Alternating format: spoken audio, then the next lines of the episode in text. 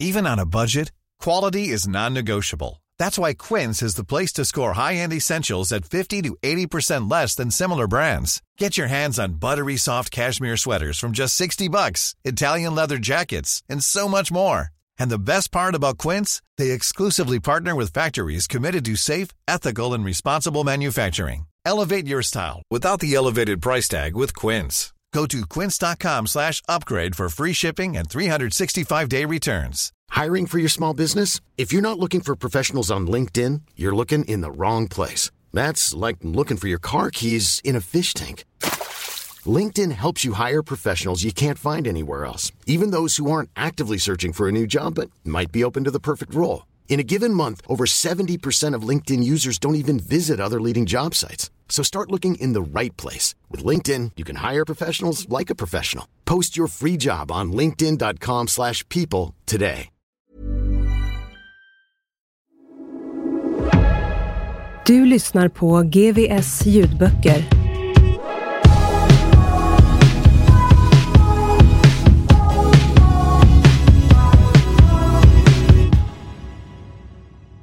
Afghanistans enda gris och andra vykort från imperiernas kyrkogård av Ivar Andersen.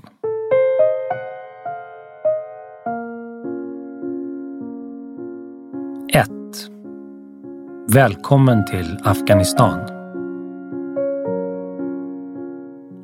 Februari 2012. Kabuls internationella flygplats hanterar snö ungefär lika bra som Sveriges avreglerade järnväg. Landningsbanorna har varit igensnöade och det ryktas om att radarutrustningen har frusit sönder.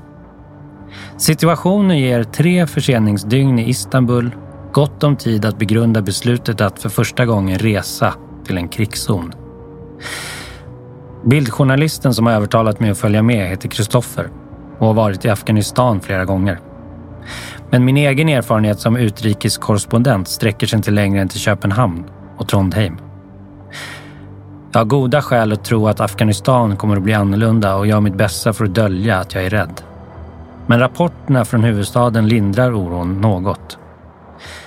Vintern i Kabul har varit den kallaste på flera decennier och som en följd av detta har säkerhetsläget varit ovanligt lugnt. Vi landade den 22 februari 2012. Samma dag bränner den amerikanska militären flera exemplar av Koranen på flygbasen Bagram. Lugnet är över. Att bränna islams heliga bok tillsammans med hushållssoporna visar sig bli ett kulturellt klavertramp av sällsynt dödligt slag. USA hävdar att de tillfångatagna talibanerna kommunicerat genom anteckningar i fängelsebibliotekets koraner, men att rutinerna brustit när dessa skulle förstöras. President Barack Obama ber snabbt och förbehållslöst om ursäkt. Det hjälper föga. Omedelbart efter att händelserna på Bagram fått spridning blossar de häftigaste civila oroligheterna på flera år upp. Antiamerikanismen är en lättantändlig krutdurk och under en första dag av upplopp mister närmare tio människor livet. På fredagen får vi höra att vi bör hålla oss borta från moskéerna. Förutom den religiösa betydelsen fyller fredagsbönen också en mobiliserande funktion. Moskéerna är arenor för masskommunikation och opinionsbildning. Predikningarna är ett tillfälle att föra ut på förhand överenskomna budskap. Att koordinera trupperna. Nu fruktar många att den religiösa åsiktsgemenskapen ska uppmana till våld. Svenska Afghanistankommitténs interna säkerhetsgenomgång talar om överhängande risk för plundring, mord och anlagda bränder. Organisationen har ett underrättelsenätverk som förmodligen är mer effektivt än de amerikanska säkerhetstjänsternas. Vi har några värdefulla vänner där. Varningen visar sig vara befogad. Det bedrägliga lugn som vilat över gatorna slits sönder av den upprörda folkmassa som strömmar ut från huvudstadens största moské. Pull i Kishti. Stenar och slagord flyger genom luften. Däck och bilar sätts i brand, hör vi genom våra kontakter. Själva befinner vi oss i säkerhet omkring en kilometer från de rasande kravallerna. Men rädslan att missa någonting blir för stark. Tillräckligt dramatiska händelser tycks ha ett eget gravitationsfält Och journalistyrket premierar viljan att vara där saker händer. Jag och Kristoffer bestämmer oss för att göra lite breaking news. Det går så där. Vi känner inte terrängen tillräckligt väl. Exempelvis har ingen av oss tänkt på att huvudstadens infrastruktur, trots att konfliktdriven inflyttning och internflyktingströmmar förvandlat Kabul till en miljonstad, är dimensionerad för några hundratusen invånare. Minsta ordningsstörning och hela innerstan korkar igen. I timmar jagar vi den våldsamma folkmassan. Det slutar med att vi fastnar mitt i deras marschväg. Polisen väljer en konfliktminimerande strategi och försöker leda upploppet ut ur centrala Kabul genom att stänga av flera gator. Vår bil sitter fast i en av köerna som uppstått och kommer varken framåt eller bakåt. Kristoffer är född i Indien och smälter med sitt vildvuxna skägg in väl. Själv har jag knappt ett skäggstrå och är i princip så vit det går att bli. Vår fixare ger mig rådet, eller möjligtvis orden, att gömma mig på bilgolvet. Sekunden senare hör jag honom skrika Fuck, fuck, fuck, fuck! Om de ser oss så är vi döda. Han har glömt att plocka bort det märke på framrutan som visar att han arbetar åt USA. Hårdvaluta och trygghet i vissa sammanhang. Ett kikarsikte ristat i pannan i andra. Från golvet ser jag vita fanor genom bilrutan. Sådana som talibanerna har. Jag ligger väldigt stilla medan de passerar. Lätt omskakad åker jag tillbaka till vårt boende och skriver en analys om oroligheterna. Min första text från Afghanistan. Jag väljer att utelämna det faktum att vi precis begått konfliktkorrespondentens mest grundläggande faux pas. Den oplanerade närkontakten är en påminnelse om att talibanerna alltjämt kastar en lång skugga. Under mina tonår följde jag enbart sporadiskt rapporteringen från Afghanistan men det var svårt att inte fascineras och äcklas av talibanernas utstuderade grymhet. Landet föreföll ondskefullt som ett lågteknologiskt Nordkorea. Rörelsen är så mytomspunnen och demoniserad att jag på distans nästan kommit att betrakta dess medlemmar som serietidningsskurkar. Den generationen unga afghaner som utgjorde talibanernas ryggrad växte upp i pakistanska flyktingläger. De tillhörde folkgruppen pashtuner och deras traditionella livsstil hade slagits sönder. Istället för att bli herdar eller lantbrukare som sina fäder fostrades de i flyktinglägrens radikala koranskolor. De var med den pakistanske journalisten Ahmed Rashids ord vad Karl Marx skulle ha kallat Afghanistans trasproletariat. Dessa pojkar tillhörde en generation som aldrig hade sett sitt land i fredstid och de hade aldrig umgåtts med kvinnor. Med stöd av Pakistan och Saudiarabien erövrade rörelsen statsmakten. Resultatet blev en illa fungerande totalitär teokrati Talibanerna försökte implementera sin egen variant av sharia-lagstiftning. Djupt influerad av den hederskodex som sedan urminnes tider tillämpats i Söderns klanområden på nationell nivå. En omöjlig ekvation som snart ledde till en slags skräckens improvisationsteater. Eftersom talibanerna ogillade allt som inte påminde om pashtunska småbyar tvingades de spela på gehör och hitta på nya grymheter vartefter. Talibanerna gillade inte ens sina egna allierade och brukade föraktfullt kalla al-Qaida för araberna. I ett dåd som talibanerna tar åt sig äran för skjuts på lördagen den 25 februari två amerikanska rådgivare till döds inuti inrikesdepartementet landets kanske mest välbevakade plats. Att talibanerna är nöjda med bedriften framgår tydligt när de kort därefter startat bråk på Twitter. Med stigande förundran följer jag replikväxlingen mellan rörelsens konto och presstjänsten på ISAF, den internationella styrka som under FNs välsignelse och Natos befäl krigar i Afghanistan. Och om att ISAF Media tycker att dessa protester mot vanhelgande av Koranen är illa, vänta då bara tills vädret blir varmare, skriver talibanerna på knackig engelska. Det är en kaxig hänvisning till den årligen återkommande våroffensiven, då rörelsen traditionellt trappar upp sina attacker. Kanske blir det du som protesterar när ISAF ger dig en omgång under 2012. Dödad, fångad eller återintegrerad, svarar den FN-sanktionerade säkerhetsstyrkan med till synes lika knackig grammatik. Talibanerna avslutar dräpande. Hur nivån på dialogen höjs. Kolla, ingen tar dig seriöst. Allt du skriver är fel. Bara sluta. Uppbrutna meningar och kreativ interpunktion är frekvent nyttjade metoder för att förstärka digitala förolämpningar och vittnar om avancerade sociala medier-färdigheter. Jag kan inte undgå att bli lite imponerad. Det är trots allt samma utpräglat teknikfientliga rörelse som bara några år tidigare straffade den som lyssnade på inspelad musik med piskrapp. Korankravallerna skördar sammanlagt 41 människoliv och detta följer på ett 2011 som sett till civila dödsoffer blivit krigets dittills blodigaste år. Demonstrationerna är publika vredesutbrott, men inte enbart. Kabul är en av världens hårdaste militariserade platser. Men det är den stad där talibanerna före USAs invasion hade förtvivlat svårt att vinna stöd har deras baner nu återigen vajat över gatorna. Parallellt med att gatustriderna rasar ekar slagord som “Död åt USA” in i Afghanistans parlament. USA har varit den dominerande aktören i afghansk politik sedan invasionen 2001. Men det är redan beslutat att den officiella krigsinsatsen ska avslutas den sista december 2014.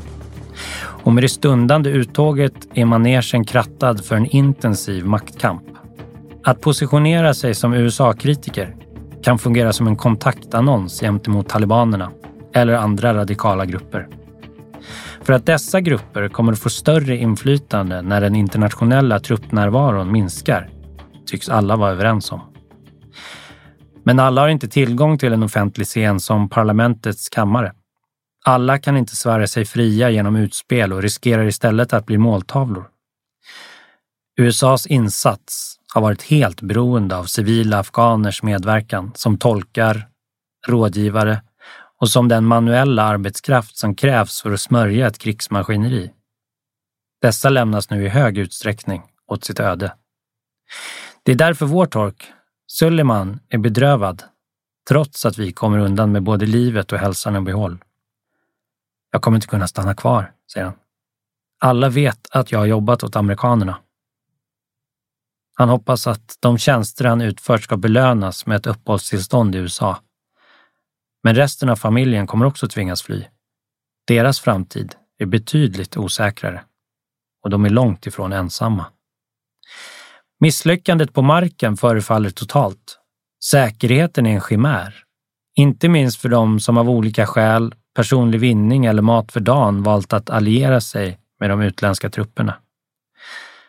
Afghanistan är redan USAs längsta krig.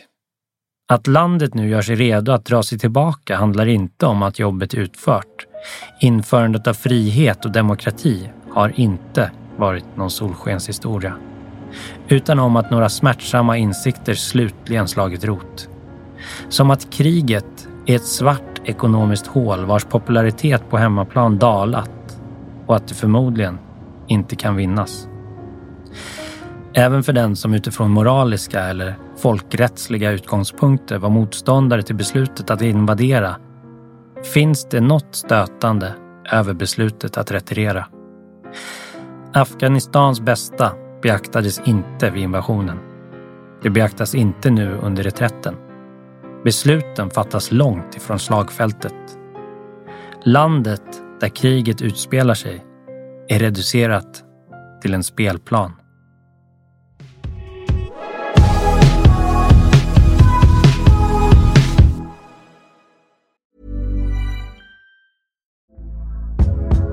Hey there, it's Michelle Norris. I'm host of a podcast called Your Mama's Kitchen. When I travel, I'm usually looking for a way to find a taste of home when I'm not at home. And one of the things I love to do when I am at home is entertain. And Airbnb allows me to do that. When I was in California recently, I rented a house that had a great kitchen. And when we were sitting around the table, we were all thinking, we're in someone else's house. Someone could be in all of our homes as well.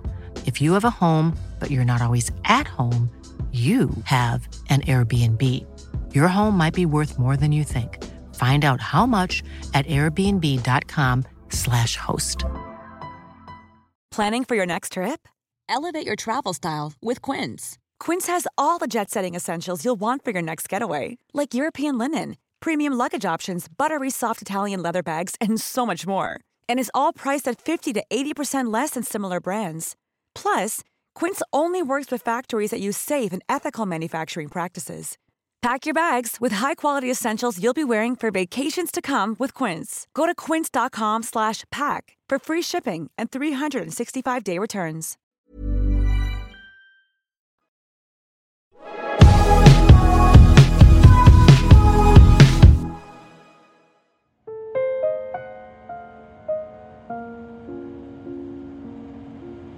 Två. Att hanka sig fram i Kabul. Februari 2012. Oroligheterna lägger sig. Livet i Kabul återgår till det normala. Det låter mer positivt än det är. Vi lär känna staden till fots och genom samtal med vad som brukar kallas vanligt folk. Kriget är inte det största problemet, får vi höra. Inte heller den rekordkalla vintern. Parallellt med säkerhetsproblem och social oro finns en vardag. Och där tycks den börda som framför andra tynger Kabuls invånare vara fattigdomen och arbetslösheten. 35 procent av Afghanistans befolkning uppges vara arbetslös. Andelen är bland de högsta i världen men den amerikanska underrättelsetjänsten som publicerat uppgiften ger ingen förklaring till hur den beräknats. Ingår en överväldigande majoritet av landets invånare vars försörjning kommer från småskaligt jordbruk i underlaget?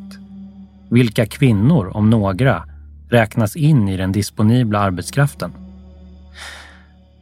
Varje morgon fylls torget utanför Pulikishti av män som försöker vänta ut arbetsbristen. Daglönarna räknas i tusental och en bra dag får kanske var tionde av dem jobb. Murare och plattläggare trängs med dikesgrävare och ställningsbyggare. Många har egna verktyg med sig.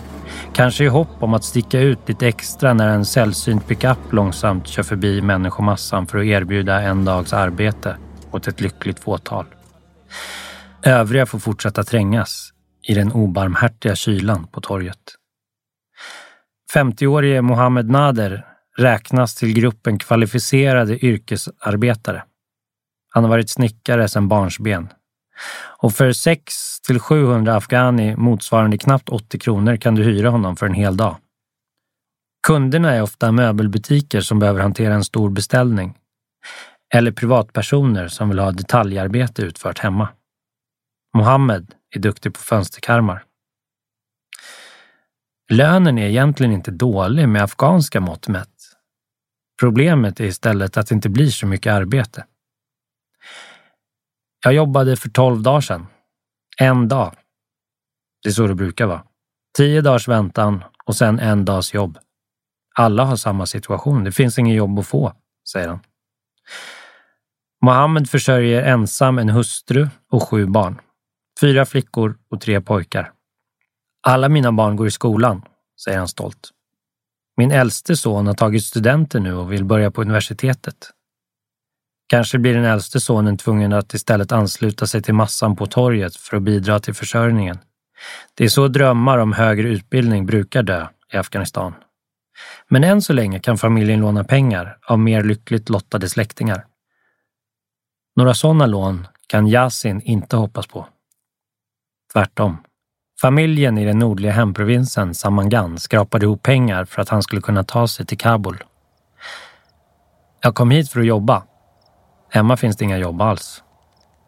Det var åtta månader sedan.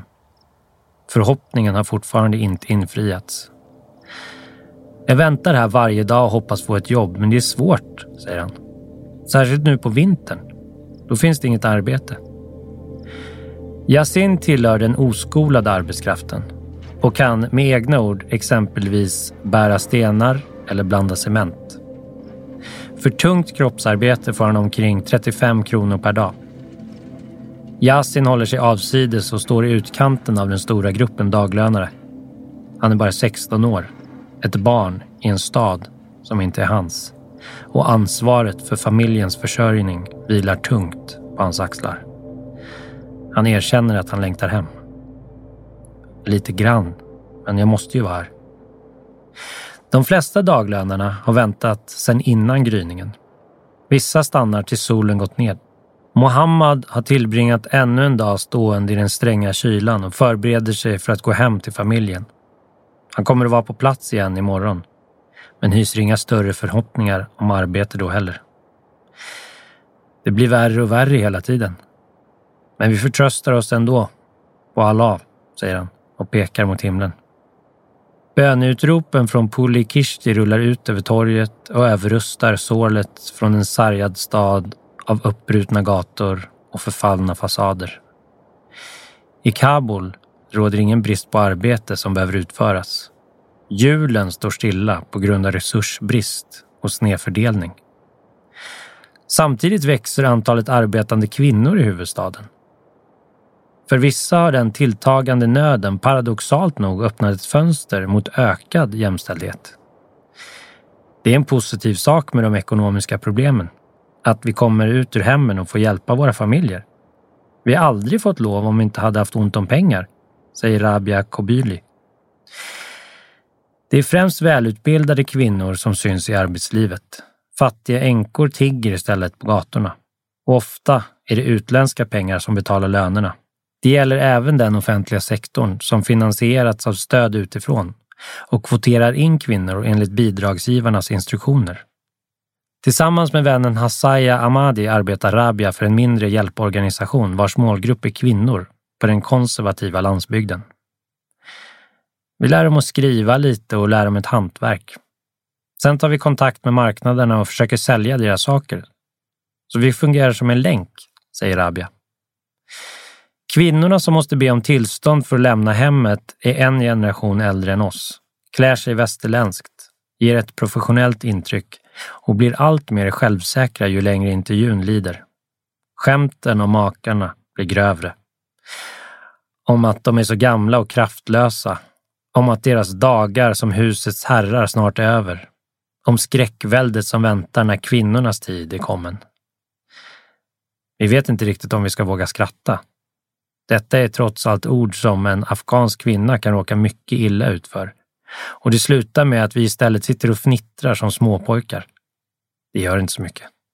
Rabia och Hasaya skrattar desto mer. Det är inte ekonomisk emancipation i klassisk bemärkelse. Familjens medel är mannens att förfoga över. Utan snarare social emancipation via ekonomiska svårigheter. Men för Rabia är det en början. Hon hoppas att fler kvinnor i framtiden ska få arbeta utanför hemmen. Men påpekar att arbetslinjen i Afghanistan är underkastad anständighetslinjen. Om det finns lämpliga jobb som sömmerskor eller lärare så är kvinnor intresserade av att jobba. Under de senaste tio åren har Kabuls befolkning vuxit explosionsartat. Från runt 500 000 till över 3 miljoner invånare och arbetslösheten har ökat dramatiskt under tiden. Det är en väldigt snabb urbanisering. Traditionellt har man sagt att 80 procent av befolkningen bor på landsbygden. Men nu bor nog en tredjedel i städerna. Det märks väldigt påtagligt på trafiken och folkmyllret. Det var lite halvdött här innan. Som en stor by. Nu har vanliga afghaner knuffats ut från stadskärnan och kåkstäderna växer upp mot kullarna, säger Andreas Stefansson. Han är landschef för Svenska Afghanistankommittén och när jag kontaktar honom för första gången föreslår han att vi ska ses över en öl. Passar mig bra.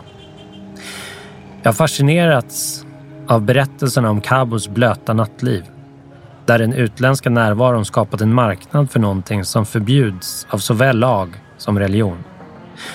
Som om Norden krigshärjats och hjälparbetare från Asien tagit över stadskärnorna och öppnat haschklubbar stängda för lokalbefolkningen.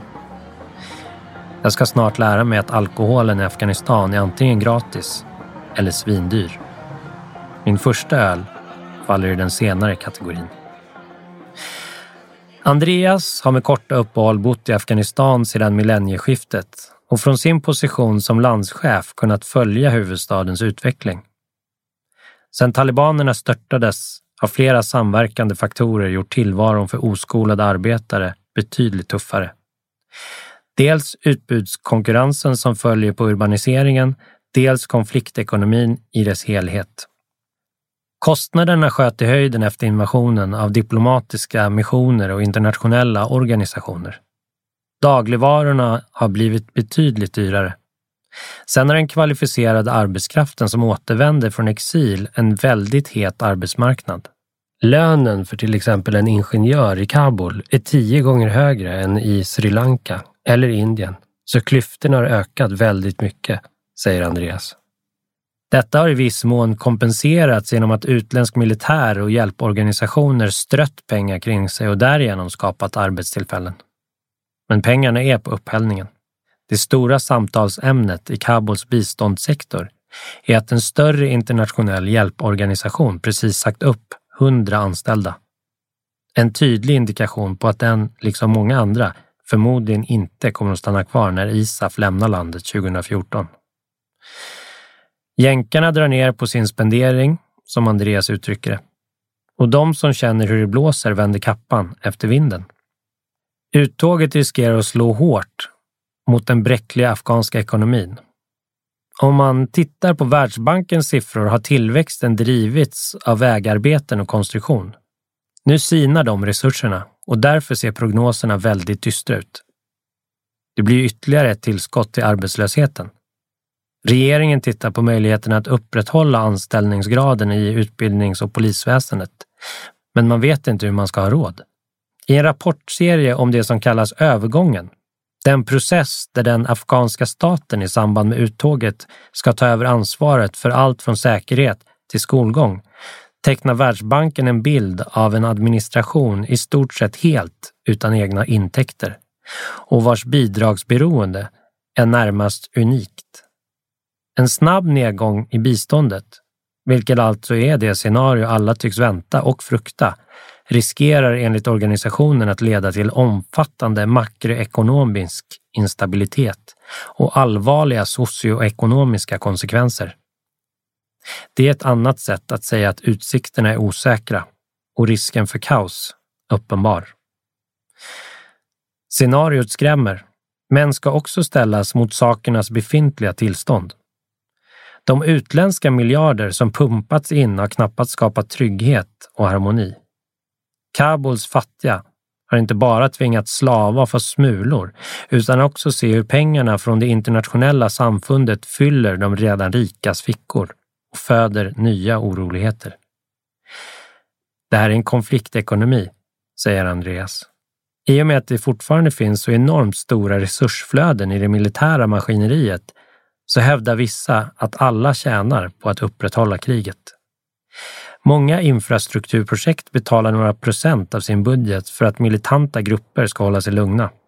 Det finns de som betalat militanta grupper för att upprätthålla hotbilden så att de ska kunna säga att oj, det kommer att kosta dubbelt så mycket att bygga den här vägen. Det är svårt att se vem som har en ideologisk drivkraft och vem som bara är affärsman. Så det blir en oerhörd sammanblandning av regeringens och talibanernas och opiummaffians intressen. Andreas dricker en klunk öl, ler snett. Sjukt, säger han och himlar med ögonen. Incitamentet att anstifta bråk för beskyddarpengar förväntas visserligen minska när kassaflödet sinar. Samtidigt kommer konkurrensen om resterna förmodligen att hårdna betänkligt. Oavsett vilka variabelvärden som stoppas in tycks resultatet alltid bli detsamma. Såväl ekonomin som säkerhetsläget storheter som i Afghanistan är intimt förknippade med, påverkas negativt av uttåget. Det spär på social oro och det som driver konflikten. Unga män utan framtidstro som söker sig till miliserna i desperation. Jag tror att det kommer att bli mycket värre innan det kommer att ljusna igen, säger Andreas. Afghanistan brukar kallas imperiernas kyrkogård. Obygden, där de brittiska och sovjetiska stormakterna stupat och den amerikanska nu fastnat. Priset för ryktet har varit högt.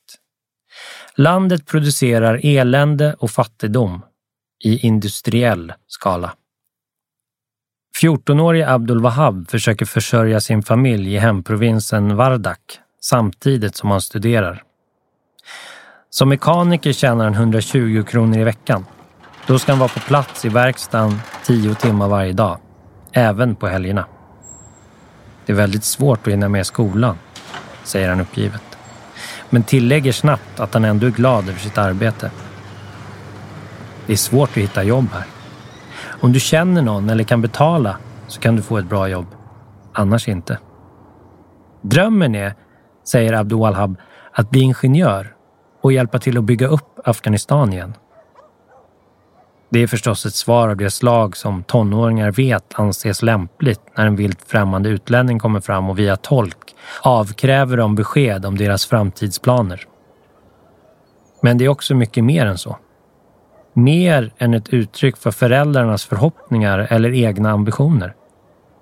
Abdul-Wahhabs svar och andra liknande ska visa sig återkomma gång på gång i diskussioner med landets unga.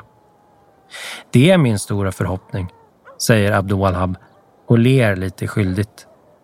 Som man vet att målet nästan är ouppnåeligt. Om Yasin i sin ungdom närde lika högtflygande drömmar har de nu kvävts av vardagens tyngd. Idag är han nöjd om han lyckas laga tillräckligt många skor för att försörja sin fru och sina fem barn. Men det är svårt. Den allestädes närvarande polisen kör bort skomakarna som slagit sig ner i rad på en bro över Kabul River. De säger att vi skräpar ner. Men de har inget annat ställe att erbjuda oss, så vi måste komma tillbaka. En muta i lämplig storlek gör poliserna mer välvilligt inställda. Men lönen på 100 till 200 afghaner per dag räcker inte till att föda familjen. Än mindre till bestickningar. Yasin är bitter. Under talibanernas styre flydde han landet. Men hemkomsten blev inte vad han hade hoppats på. Fram till 2002 bodde vi i Pakistan och sen flyttade vi tillbaka hit. Och nu sitter jag här som en tiggare. Det finns inte tillräckligt med jobb. Som så många andra som tvingas hanka sig fram i den ekonomiskt handikappade huvudstaden hävdar han att läget förvärras för varje dag. Plötsligt blixtrar någonting till i hans ögon och han slår ut med armarna. Får jag ett annat jobb lovar jag att jag inte kommer att sitta här en minut till. Det spelar ingen roll vad typ jobb det är. Bara jag tjänar tillräckligt så kommer jag inte sitta här.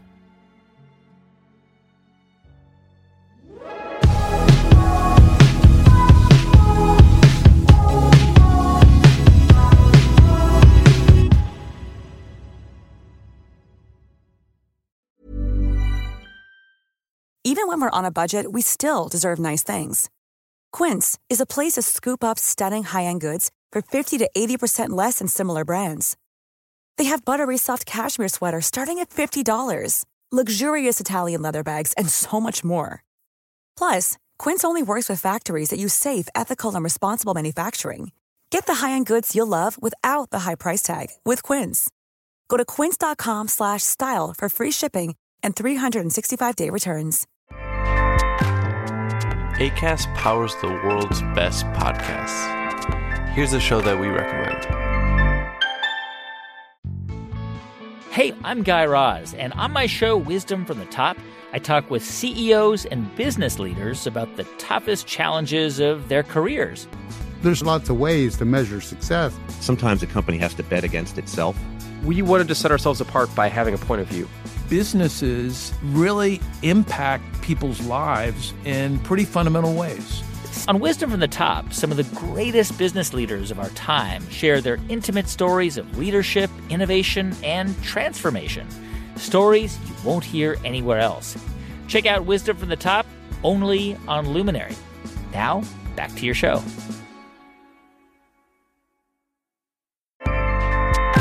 ACAST helps creators launch, grow, and monetize their podcasts everywhere. ACAST.com.